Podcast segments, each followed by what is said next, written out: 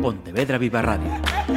Cara a cara. Damas y caballeros, la Asociación de Directores de Informativos de Radio y Televisión da la bienvenida a Luis Boullosa. Saludos. Nos acompaña en esta ocasión Luis Boullosa, escritor, músico y periodista gallego. Antes de darle la bienvenida, aviso, abrese bien las orejas para escuchar esta voz. Luis, bienvenido. Muchas gracias, muchas gracias por tenerme con vosotros. Un placer. Si vieseis ahora mismo nuestro editor el pico y la diferencia de su voz a la mía, tremenda. Gallego, ¿podemos concretar un poquito más, Luis? Sí, sí, eh, gallego de Pontevedra, Pontevedra es por parte de padre. Mi madre era de Santiago de Compostela y yo nací por puro accidente en, Madrid. Pero bueno, ya llevo una temporada de vuelta aquí y sí, no soy completamente gallego en ese sentido. De acuerdo a la dedicación diaria actual, ¿en qué orden debo poner escritor, músico y periodista? Eh, bueno, eso va variando con el tiempo, claro. De acuerdo a la dedicación diaria actual, eh, digamos que el músico y el escritor se están peleando duramente y últimamente gana un poco el músico. Llevo una temporada sin publicar y tal. Pero bueno, yo siempre me he considerado escritor, ¿no? Y creo que el periodismo del que he vivido bastante tiempo fue una consecuencia lateral de que me gustaba escribir, no me convencía la carrera de Derecho, que terminé, pero no ejercí. Y, bueno, uno dice, me gusta escribir y acaba haciendo periodismo, acaba viviendo de eso. Hay una frase de Hemingway que está bastante bien, que dice que el periodismo no es eh, malo para la literatura si uno consigue dejarlo a tiempo. ¿no? Entonces, en ese, en ese, proceso uno va enganchando unas cosas con otras y publicando libros y tal. Pero es verdad que llevo unos años pues bastante volcado con la música, que es una cosa que me hace sufrir un poco menos que la literatura, ¿no? Me, me, causa más placer, más, me resulta más fácil. Mira, por ahí quería hacer la siguiente cuestión. ¿Qué te ha aportado más gratificaciones o menos insatisfacciones? Hombre, a mí todo el ámbito artístico generalmente me ha aportado satisfacciones porque me equilibra y porque, bueno, porque lo es, vocacional. Eh, las, las, insatisfacciones son de gestión, ¿no? De cómo uno intenta dedicarse a eso, si puede, si puede vivir de eso, si no puede vivir de eso. El hecho en sí, eh, artístico, por llamarlo así, aunque a veces no eh, sería discutible la palabra arte, ¿no? Porque yo también hago cosas que están un poco en la línea en la fina línea que divide el arte de, otras cosas. Pero es verdad que los libros a mí me resultan más sufridos, ¿no? Me cuestan más. Pese a que yo lo que mejor hago es escribir, o sea, eso, eso es evidente, ¿no? Mi talento principal es escribir, pero claro, son yo sospecho que cuanto se te da, cuanto mejor se te da una cosa, más ambicioso te vuelves, cuanto más ambicioso te vuelves, más difícil es lo que estás intentando construir. Y entonces yo, pues decía, decía Stevenson que una, una, una, obviedad, pero que, es, que yo creo que es verdad, que decía, el problema de la novela es la, la longitud. Y es verdad, es decir, cuando te enfrentas a un texto largo, complejo, los, eh, tus capacidades tienen que estar muy afinadas para que eso no se te vaya de las manos. ¿no? Una canción es algo mucho más inmediato y juntar 10 canciones, por mucho que puedas, que haya gente que haga discos complejos y maravillosos, no es tan difícil como escribir bueno, y, 300 páginas. y hay canciones que también se salen de madre, hay canciones de 13, 14, 15, 20... Sí. Casi es un concierto. Sí, sí, sí, desde luego. Pero bueno, si hablas de pop, del pop, a mí me parece muy difícil. ¿eh? O sea, yo cuando veo gente que hace grandes canciones me parece una, una magia.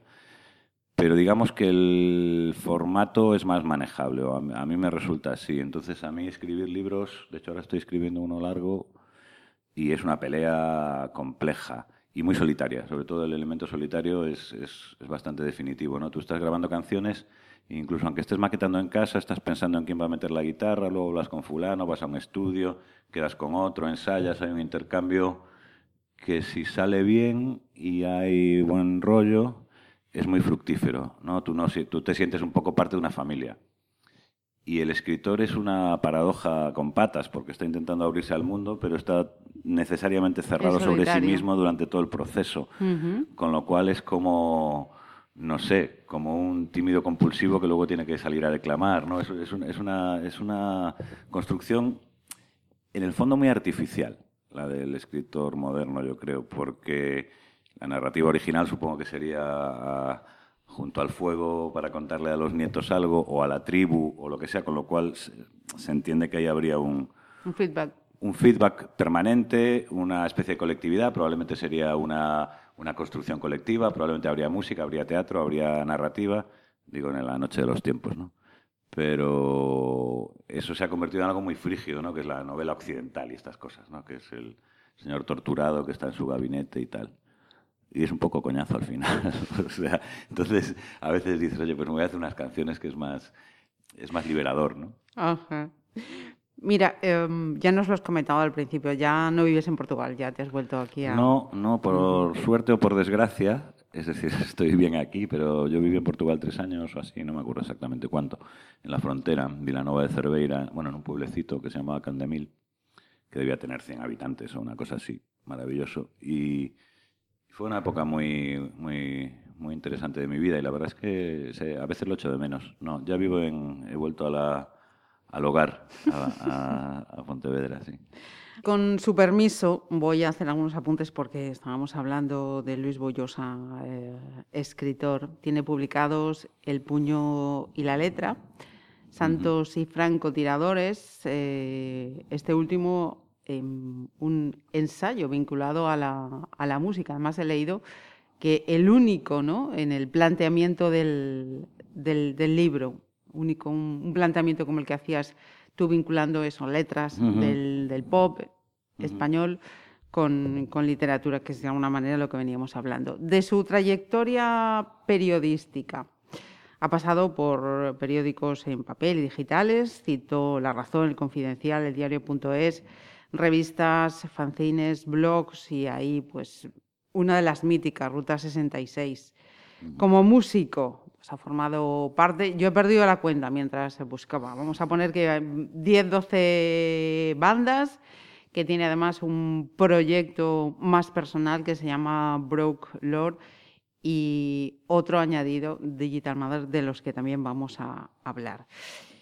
Y volviendo a la faceta de escritor y de crítico musical, de entrevistas que has dado, eh, Luis, a raíz de la publicación de Santos y Francotiradores, leía en Mundo Sonoro que hablabas de ventajistas y de domingueros de la música. ¿Quiénes son unos y otros? Eh, sí, bueno, te comentaba que hace, tiempo esa entrevista y, se tendría que volver a leerla, pero mm, bueno, yo a veces tengo una visión a lo mejor demasiado trascendentalista de la música, ¿no? Porque me gusta mucho y porque me gusta hacer las cosas bien y trabajar a fondo y eso a veces cuando vienes de un entorno amateur no hay dinero suficiente o estás en la marginalidad, digamos, musical o en el underground o como se quiera llamar, es difícil. Y yo creo que hay siempre una, hay una lucha permanente, ¿no? Entre yo, creo que la mayor parte de los proyectos interesantes que yo he conocido, musicales en España, eran prácticamente desconocidos o estaban muy en el margen. Eh, y sufrían ese problema, es decir, yo trabajo en el margen, pero claro, no hay dinero, no hay posibilidades, con lo cual lo normal es que me relaje y acabe considerando mi disciplina artística una cuestión de pasar el rato. ¿Sabes? De, bueno, es igual que uno trabaja todo el, toda la semana en algo que le, a lo mejor no le importa tanto y luego se va al campo a tomar un vino con su mujer.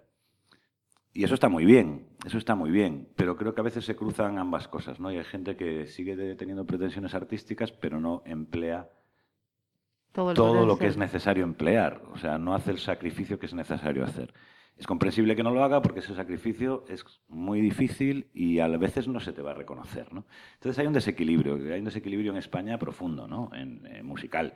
Es decir, tenemos en primer plano, yo no digo que en el primer plano musical no haya una o dos cosas que tengan interés, que las hay, pero hay un montón de chupópteros y de gente colocada ahí eternamente que ya lleva décadas sin decir nada.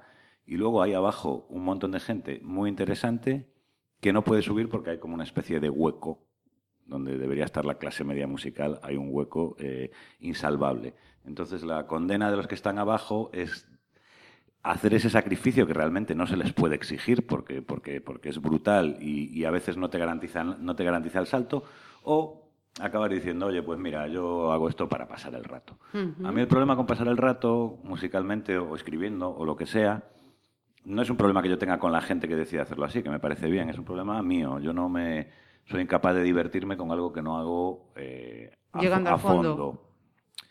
Y eso me coloca en un punto extraño, porque al final España ha acabado siendo un país de funcionarios y diletantes, ¿no? Y, y hay poco espacio para, para, para estas cosas, ¿no? Y una ausencia de meritocracia casi absoluta. Yo soy bastante crítico con esto, luego la gente a veces se, se te puede mosquear porque se sienten reflejados o lo que sea, ¿no? Pero bueno, mi, mi- mi conclusión a día de hoy es cada uno que haga lo que quiera, pero cada uno que sepa qué está haciendo, ¿no? Eh, y así intentaremos todos no confundirnos, no pisarnos y no... Pero bueno, me parece, una, me parece una pena porque yo he visto una enorme cantidad de talento malgastada, ¿no? Y gente que decías, este tío tiene que estar, debería estar reconocidísimo, pues que acaba con cuarenta y pico años como tengo yo, pues buscándose alguna salida laboral de otro tipo porque no hay manera, ¿no? Y eso es un drama, es un drama eh, de la industria o del sector, como decíamos antes, o de, lo que- o de la ausencia de industria y de sector, ¿no? Eh, o de que hay una industria y un sector que se llaman musicales y que muchas veces no tienen mucho que ver con la música, sino con, bueno, pues con determinados Con intereses otras- económicos lícitos, pero, pero alejados de lo artístico. Ujú. No, no, yo creo que esto debe ser una discusión permanente. Supongo que hace 100 años ya había, a lo mejor no en la música, pero en la literatura, en otros ámbitos, discusiones parecidas. En el correo también, leyendo otra entrevista, decías que mm, esta en la que estamos no es, una, no es la era de la comunicación, sino de la saturación y que por eso es necesario eh, que la crítica eh, siga existiendo. Pero tiene que haber una crítica nueva, Mm. no, no la vieja. Me, me- Mm. me dices que consideras la vieja y la sí, nueva? sí, además es una, es una paradoja rara. Yo me crié, bueno, yo me crié leyendo revistas como Ruta 66, precisamente donde luego acabé escribiendo, en una época que era una revista muy libre, por ejemplo, y medio un poquito fancinera, pero realmente iba tenía mucha profundidad y había, había un tono ensayístico y al mismo tiempo muy punky y tal. Y bueno, había esos, esos eh, artículos de fondo en los cuales tú te leías algo sobre una banda que te fascinaba y prácticamente salías eh, enseñado para los restos, ¿no? porque era, eran, cubrían realmente con cierta profundidad varios campos. Mm, eso puede considerarse vi- vieja, eh, la vieja escuela. ¿no? Entonces pasa una cosa muy, que pasa con todo el periodismo, no solo el musical, pasa una cosa muy curiosa cuando irrumpe Internet ya de, de modo definitivo, pues hace ya tiempo, ¿no? hace 15 años ya de, de manera dominante, que es que la prensa escrita comete un error garrafal, en mi opinión, que es intentar competir con Internet en su campo, lo cual es imposible. Entonces se empieza a aligerar contenido, se empieza a meter más imagen, se empieza a hacer todo y a intentar hacer todo más dinámico. Que eso es como si tú intentas correr los 100 metros más rápido que un guepardo, ¿sabes? O sea, es imposible.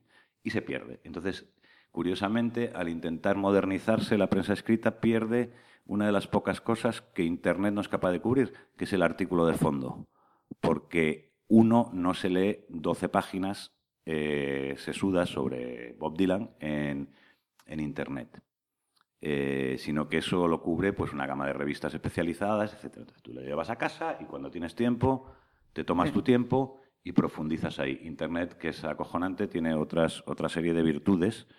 eh, pero incluso yo cuando me encuentro un artículo demasiado largo en Internet, a veces lo que hago es imprimirlo, llevármelo a casa y tenerlo allí. ¿no? Eh, entonces, ¿qué pasa? Eh, que al abdicar de eso eh, queda un hueco y entonces hay que reconstruir el periodismo. Curiosamente, yo creo que el periodismo, mm, el que yo consideraría periodismo musical, hablo de musical, pero me valen los demás también, válido actualmente, sería una recuperación del viejo. O sea, el nuevo es una recuperación del viejo. Sería decir, oiga, señores, hemos abdicado de, de este periodismo de fondo, de esta profundidad, de, esta, de este tempo, y lo tenemos que recuperar. Porque si no, no está. Y no está en ningún lado. O sea, sí, sí está. Está flotante, pero, hay que, hay- pero te obliga a, a ir buscándolo. Nosotros hicimos una revista que se llamaba Karate Press, que duró cinco números o seis, eh, que la hacíamos desde Portugal precisamente. Y toda la teoría era esa, era decir, vamos a ver, vamos a recuperar esto, ¿no? Entonces, eh, eh, pues bueno, a lo mejor te podías ta- tardar, yo supongo que la gente tardaría un mes en... Era, era un poco la idea de, eh, si algún día quieres volver al artículo definitivo sobre esta banda o sobre este tema, está Ahí aquí, está todo. aquí, y la tienes en tu biblioteca y puedes volver, ¿no? Al final el, el, el libro o la revista es un elemento de tecnología. Yo considero eso es otra idea mía, ¿no? Pero yo considero el libro, el libro clásico, como tecnología punta, ¿no? Tecnología punta que no ha sido superada. No ha sido superada. Es decir, ni el ebook, ni no sé qué, ni nada. Hay un elemento del libro y de la revista buena mm, que consigue una cosa que lo, lo, mm, lo virtual todavía no consigue, que es que tú tengas una conexión personal con él. Con, el, sí. con el elemento físico, con ese elemento físico, sí. con ese libro en concreto, por la, por, por, la razón por la cual yo pierdo un libro que tenía eh, y, y, que estaba, era mi padre y tengo un problema. Y dice, pero si ese libro lo compras otra vez en cualquier lado, digo, no. No, no es lo mismo. Hay una relación, hay una relación. Y esa relación humana eh, solo puede ser realizada mediante ese proceso y obviamente no, no sé cuánto tú más rebajas el nivel de las revistas y más se convierte en un soporte publicitario o de los libros y más se convierte en una cosa de temporada, es más difícil establecer esa conexión personal, que es una de las magias de la tecnología del libro, ¿no? desde mi punto de vista. Mm. Eh, no sé si me estoy, me estoy yendo un poco. Entonces, el tema es que yo, yo, yo acabé en esto por, por el periodismo. Pues yo acabé en esto porque me metí, empecé a hacer periodismo y un día me di cuenta que llevaba 15 años leyendo el Ruta y que, y que ¿por qué no? Les mandaba un mail, les mandé un mail, acabé escribiendo allí y estos dos libros de los que hablábamos, eh, Santos y Francotiradores y El puño y la letra, uh -huh. son una extensión de eso, ¿no? Del periodismo, son libros periodísticos, son ensayos periodísticos, ¿no? Con mucha entrevista sobre la relación entre literatura y, y, música, y música. y música moderna. Uh -huh. Yo le llamo rock and roll, pero yo le llamo rock and roll por la idea, pero bueno, puede haber músicas que no sean. Hay pop, hay, hay pop, under... pero como si hubiera música de vanguardia, sí, electrónica sí, sí, o lo que sea, quiero decir. Yo cuando digo rock and roll tengo esa idea así un poco... Mmm, que engloba, de, de, de, libertad creativa, ¿sabes? Luego es, es, lo, lo, utilizo como algo distinto a lo que estrictamente es el rock and roll como, como, música. ¿no?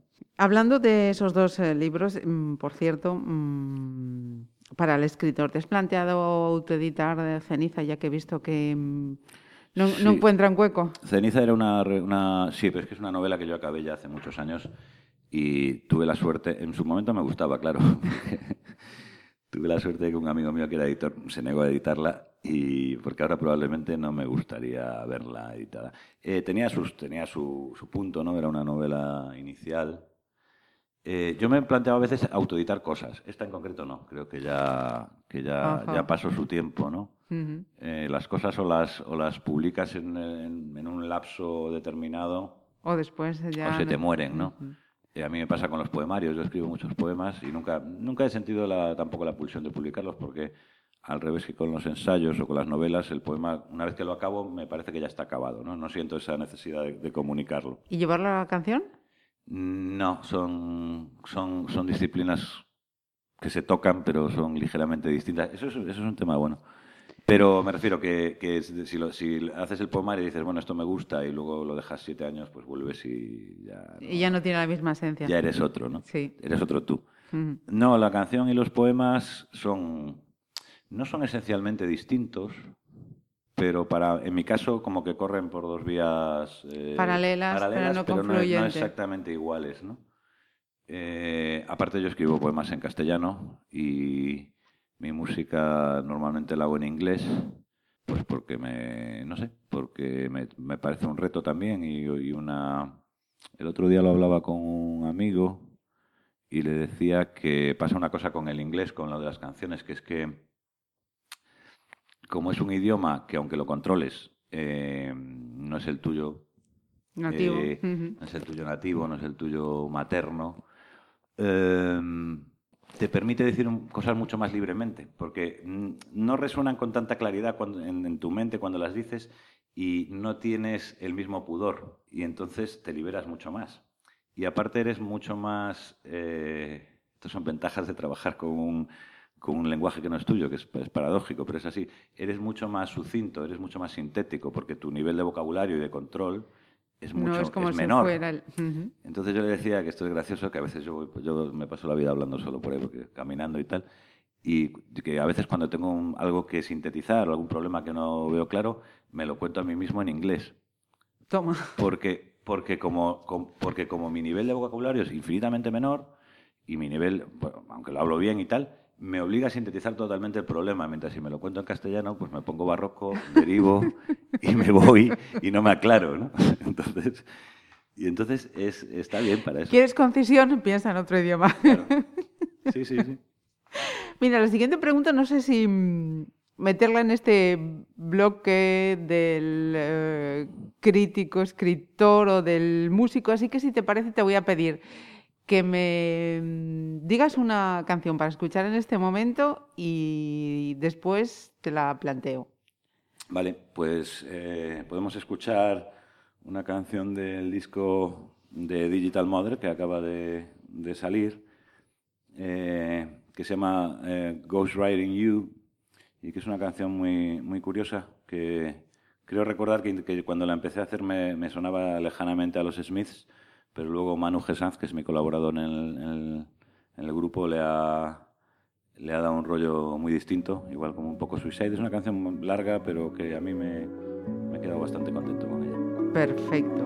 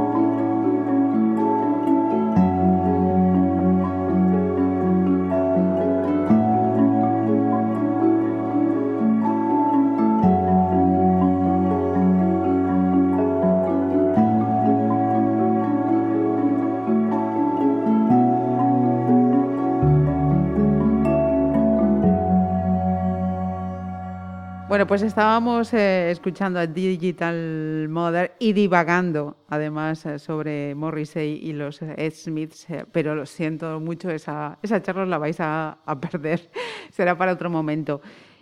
Luis, te decía, tenía una pregunta ahí que mm, mm, en, en la vertiente que tú, en la que tú quieras, pero quería preguntarte, de todas las partes intervinientes en el sector barra industria musical, ¿a cuál crees que ha perjudicado más estos dos últimos años que venimos viviendo?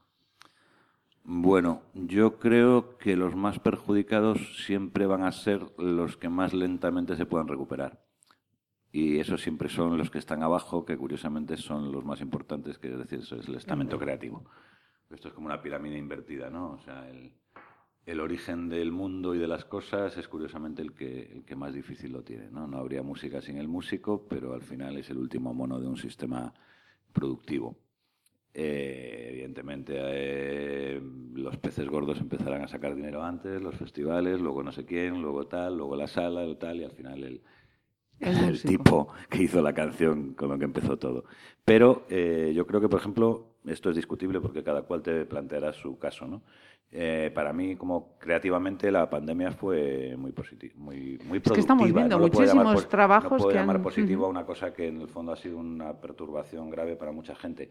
Pero para mí, eh, creativamente fue muy positiva porque me aisló y me permitió centrarme en cosas que a veces las distracciones habituales a veces te, impe- te impedían enfocar. Yo creo que el primer año de pandemia maqueté 45 canciones. Toma. O sea, he hecho dos discos eh, seguidos porque, porque estabas, bueno, en un momento, Centrado. un momento de, de fijación. Ahora bien, cuando acaba eso y tú tienes que gestionar la salida de eso, la- las giras o las presentaciones o, la, o qué ha pasado, de repente te encuentras con un mundo un poco arrasado, ¿no? O sea, ha cerrado muchísimos sitios, hay conexiones que se han perdido, hay, hay como muchas ganas, pero una, no hay claridad en cómo enfocar las cosas. Yo creo que es un momento de replanteamiento, Mm, pero creo que eh, en ese sentido creo que para al- al- algún creador, como en, mi caso, puede haber sido un, pues lo que decía Dickens, ¿no? El mejor de los tiempos y el peor de los tiempos. O sea, eh, y creo que lo demás, pues bueno, eh, los mercaderes, si no venden una cosa, venderán otra, ¿no? O sea, no, es mi, no es mi tema. Mira, Digital Mother eh, hemos escuchado y Broke Lord. ¿Por cuál de los dos empezamos a, o empiezo a preguntarte? Eh, bueno, podemos empezar por Broke Lord, que fue el, el principio, o sea, que es anterior y de donde sale el otro, ¿no? Porque el Digital Modern empieza como un spin-off, digamos. Sí. No, Broke Lord, y Broke Lord empieza como un spin-off también. Broke Lord empezó, es un proyecto mío que empezó, bueno, empecé a hacer alguna canción en 2014, pero bueno, hubo un momento en que mi banda de aquí, Gogi Las Llenas Telepáticas, que lleva 10 años ahí, hemos sacado tres discos y tal, pues lo típico, se te va un batería, tienes que buscar otro. Al final los baterías sabemos todos que son como la son como una, una inteligencia distinta, ¿no? Un, un tipo de, de personaje totalmente distinto. Habría mucho que hablar de los baterías. Te iba a decir, me- mira, Sí. me acabas de... Sí, sí, sí. Son, son, eh, se podría escribir un largo ensayo sobre las baterías. Bueno, el caso, que hubo un típico receso y de repente estabas, pues no había conciertos, estabas, yo estaba en mi casa ahí y empecé a componer algunas canciones y de repente me di cuenta de que tenía un, bueno, que tenía 10 canciones y tal. Y un amigo mío de Sevilla, porque yo tengo bastante contacto con Sevilla, porque he hecho muchas reseñas, incluso en mi libro he hablado de varias bandas de allí, de Orthodox, de Pilar, de, de, bueno, de un montón de bandas que estaban muy bien. Hay una escena increíble en Sevilla, en la Sevilla Underground, digamos. Y un colega me dijo, tienes que grabar esto, yo tengo un colega que tiene un estudio, y allá nos fuimos de aventura, entonces reuní a un amigo mío del País Vasco, otro de no sé dónde, y nos juntamos allí, grabamos un disco, y fue una experiencia tan bonita y salió tan bien que decidimos hacerlo una vez al año. Ajá. Y entonces es una cosa un poco experimental en el sentido de que yo hago maquetas, se las mando a ellos, pero no, la banda no existe hasta el día que llegas allí Y te pones. y te a pones. Son músicos muy buenos, entonces, porque si no sería imposible hacerlo sin ensayo, ¿no? Entonces tú llegas un poco con la... Con la yo, yo que soy el peor de todos, técnicamente, llego con la lección muy aprendidita y ellos pues van, van adaptándose.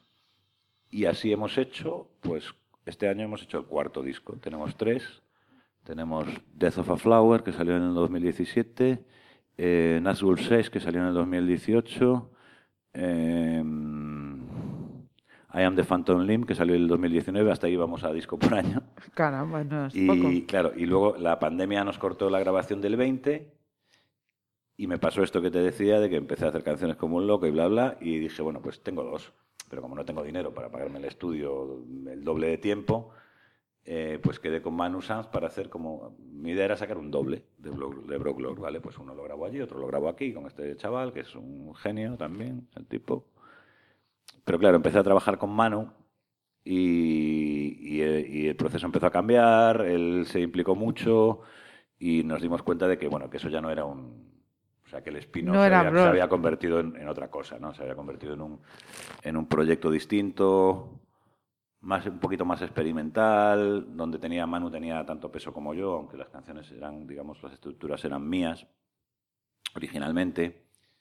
Y bueno, nada, nació Digital Mother, que está, bueno, de hecho es el nombre de una canción de Brooklyn, lo cogimos para que se viera que había algún Eso te iba a de- decir, es que había un conexión, tema. digamos. Bueno, y era un, es un, es una, a él, a él le gustaba la idea, ¿no? De mezclar esos dos términos, que uno es como muy orgánico, la madre, ¿no? Y otro el, lo Digital. Y el disco es un poco así. Manu es como un geniecillo, bueno, un genio del... A mí me, fascina con lo que hace, ¿no? Con los temas y la, la velocidad y la capacidad y la intuición. Y te, tú le das una cosa, una canción normal y de repente él te la transforma y te la devuelve convertida en un, una cosa que tú no esperabas, ¿no? Y entonces es una relación muy fructífera de, de trabajo. Pero ambos, ambos grupos son esencialmente de grabación. He- hemos dado algún concierto con Brooklyn, con una- así, un apaño más Sí, he visto por tus redes, sí. Sí, sí, o sea, y muy bien, ¿no? Pero bueno, una cosa así más sencillita. sí. Y tenemos ya esas dos novedades listas para escuchar, ¿no, Luis? Sí, eh, el, el disco de Digital Mother eh, hemos sacado una edición que se, se llama Big Pacific Blue y tiene un subtítulo que es eh, eh, traducido 12 postales, eh, 12 postcards from a California of the Mind, o sea, como 12 postales desde una California inventada o de la mente. ¿no? Porque son 12 temas y, mi, toda mi idea partía de una reflexión así un poco mm, abstracta. Mi idea partía de, de cómo si cuando vivimos en el mundo del rock and roll, todos los que hemos vivido, bueno, los amantes de la música, etcétera, etcétera, en realidad tienes unas ideas muy vívidas y, unas concepciones muy claras y muy eh, interesantes sobre lugares donde, en los que no has estado jamás, ¿no? Por ejemplo, California, que es como la, la utopía, la última utopía con espacio físico, ¿no? Los 60, los hippies, las cosas. Tú has tragado música de California por un tubo, los Doors, Love, eh, Mamas and the Papas, yo qué sé, todo, eh, NWA, el, el rap, el gangsta rap. Y entonces de repente tienes una cultura masiva, brutal, eh, que te, que- y, has mapeado todo un territorio En el que no has estado en el que no has estado jamás físicamente. O sea, es como un mapeado espiritual de un territorio físico, ¿no? Es una cosa rara, ¿no? Y entonces, y el proceso que, por el que has- tú has ido ahí. Entonces, la, el disco que empieza con una canción que es muy Doors, además, de casualidad, pero bueno, eh, es como un poco el- el- ese viaje mental, ¿no? O sea, como postales de- del viaje mental, espiritual, de, musical, Al- de aquí a, a California, California. ¿no? De- del Atlántico al Pacífico. Empieza con una que se suena muy Doors y acaba una canción que se llama Lana's Breath, que es un poco sobre eh, una visión mitológica de Lana del Rey, la cantante que a mí me hace mucha gracia, me gusta mucho. Eh, normalmente cuando se lo digo a mis viejos colegas de las épocas del punk y tal me miran raro, ¿no? Como diciendo, ¿Qué te está pasando, ¿Qué te está Luis? pasando? ¿Qué, qué te está pasando? Pero eh, eh, es una artista que si se, si, se, si se observa en detalle es muy, muy interesante. Bueno, el caso, que, que, que es un disco conceptual. Es un disco totalmente variado en lo musical, pero con un hilo, Con un hilo conceptual literario, por decirlo así. Y, Y- esto hemos hecho una, una- una edición especial que ya está, vamos, la colocamos, 100, ya está colocada, y que era, iba con unas postales, porque ya como son postales, pues cada, cada canción lleva una postal con la letra, etcétera, etcétera. Y luego está pues colgado en nuestro Bandcamp y sí, también eh, lo venderemos en una edición un poquito más simple, ¿no? que no, no lleva todo este display de tal. Y el de Brooklyn, Bro- pues estoy en proceso.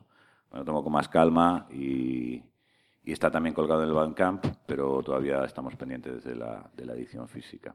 Lo has mencionado, bueno, alguna vez nos soltamos por ahí frente al público, o sea que en principio tampoco es que podamos decirle a quien esté escuchando, oye, vais a tener ocasión de ver a, a Luis con Manu o a No, no. Es Mm. difícil, es difícil. Y aparte, aparte de lo que hablamos de, de- del underground y de la industria y bla, bla, lo de Brooklyn es muy difícil porque para replicar el- el- la banda tal como es, pues hay un tipo que uno de ellos vive en Sevilla, otro en. Córdoba, otro en Vitoria, yo aquí.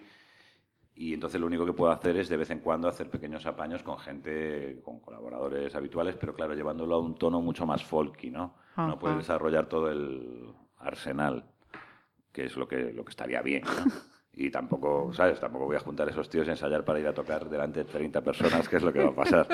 Entonces, y con Manu pasa que, bueno, que lo, pues otro, otra de las cosas de siempre, bueno, pues él tiene su vida, su familia, su, su curro, y, y bastante hacemos con sacar el, el tiempo para, para construir esto, sí. Manu es un tío muy interesante que ha tocado en Selvática, eh, bueno, que lo fundó él la banda, creo, y, y eh, Indómitos, y ha, bueno, ha hecho cosas con un montón de gente y tiene un, una web ultra recomendable que se llama violetaultramusic.com donde tiene colgados por géneros todos los discos que ha hecho él, él solo, en los últimos cinco años. Igual estamos hablando de 60, 70 discos, o sea, no sé cuántos tiene.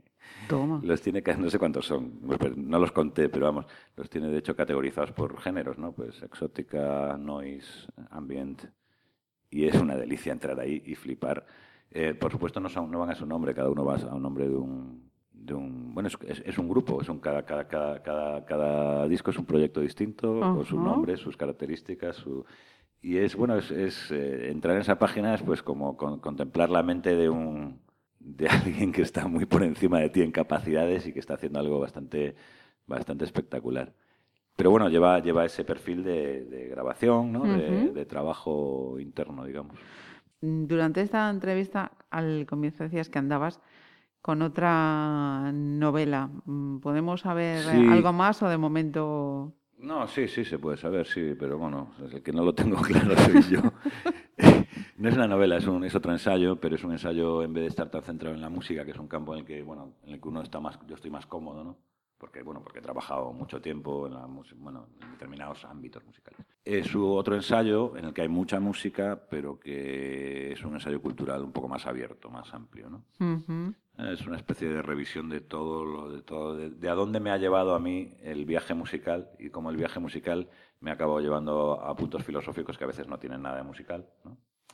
Eh, pero es difícil, es difícil. Yo, yo estoy, eh, para intentar seguir con este proyecto, yo publico a veces cosas en, un- en una web argentina que se llama Revista Paco, revistapaco.com, y que es muy interesante porque ahí hay gente muy interesante haciendo cosas.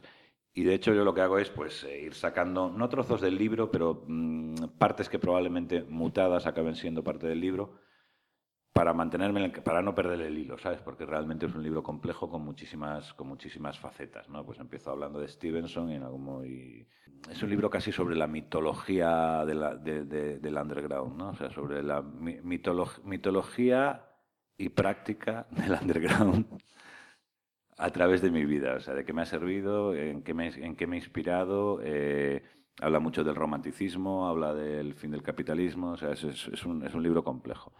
Y sintetizarlo ahora sería, sería, sería casi imposible. Pero bueno, igual dentro de unos meses, cuando, Te vuelvo a llamar cuando lo y tenga más claro, de- podemos hablar de eso en concreto. Pues, ¿qué te parece si terminamos eh, escuchando a Brooklord? ¿Qué escoges? Muy bien, pues mira, va- vamos a escuchar una canción que se llama Mouse Work for Mouse y la pongo porque, porque es la más diferente a todo lo que venía haciendo con Brooklord, ¿no? Este disco es un disco como más blanco, más luminoso y menos, menos dark, ¿no? Y esta canción es casi es un pseudo reggae dub, que es un género al que yo no me había acercado en, en mi vida. Y es una canción bastante cómica sobre unos ratones rastafaris que luchan contra el sistema y tal. O sea, que probablemente el fan de Brooklord, que no existe, pero si existiera y que está acostumbrado a cosas así oscuritas y Sería. románticas, probablemente odie esta canción y mm, para él va dedicada. Pues Luis Boullosa. Muchísimas eh, gracias eh, por acompañarnos y por cierto, tengo que decir que no soy la primera persona que habla de Luis Boullosa en Pontevedra Viva. Muchísimas gracias. Muchas gracias a vosotros, muchas gracias.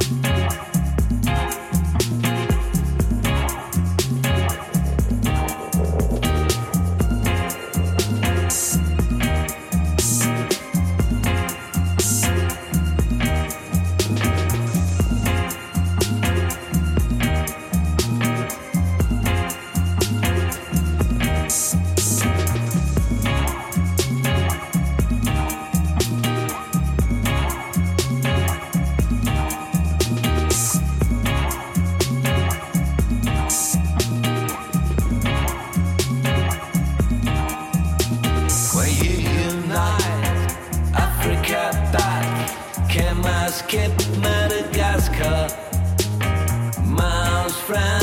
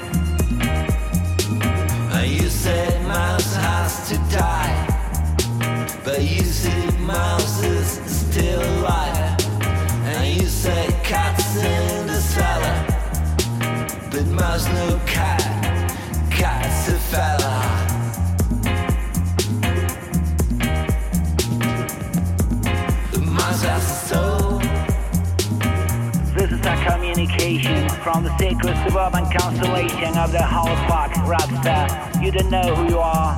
This is a message to you from the hostage house. Jesus Christ may come and go, but pussy remains. Babylon will fall.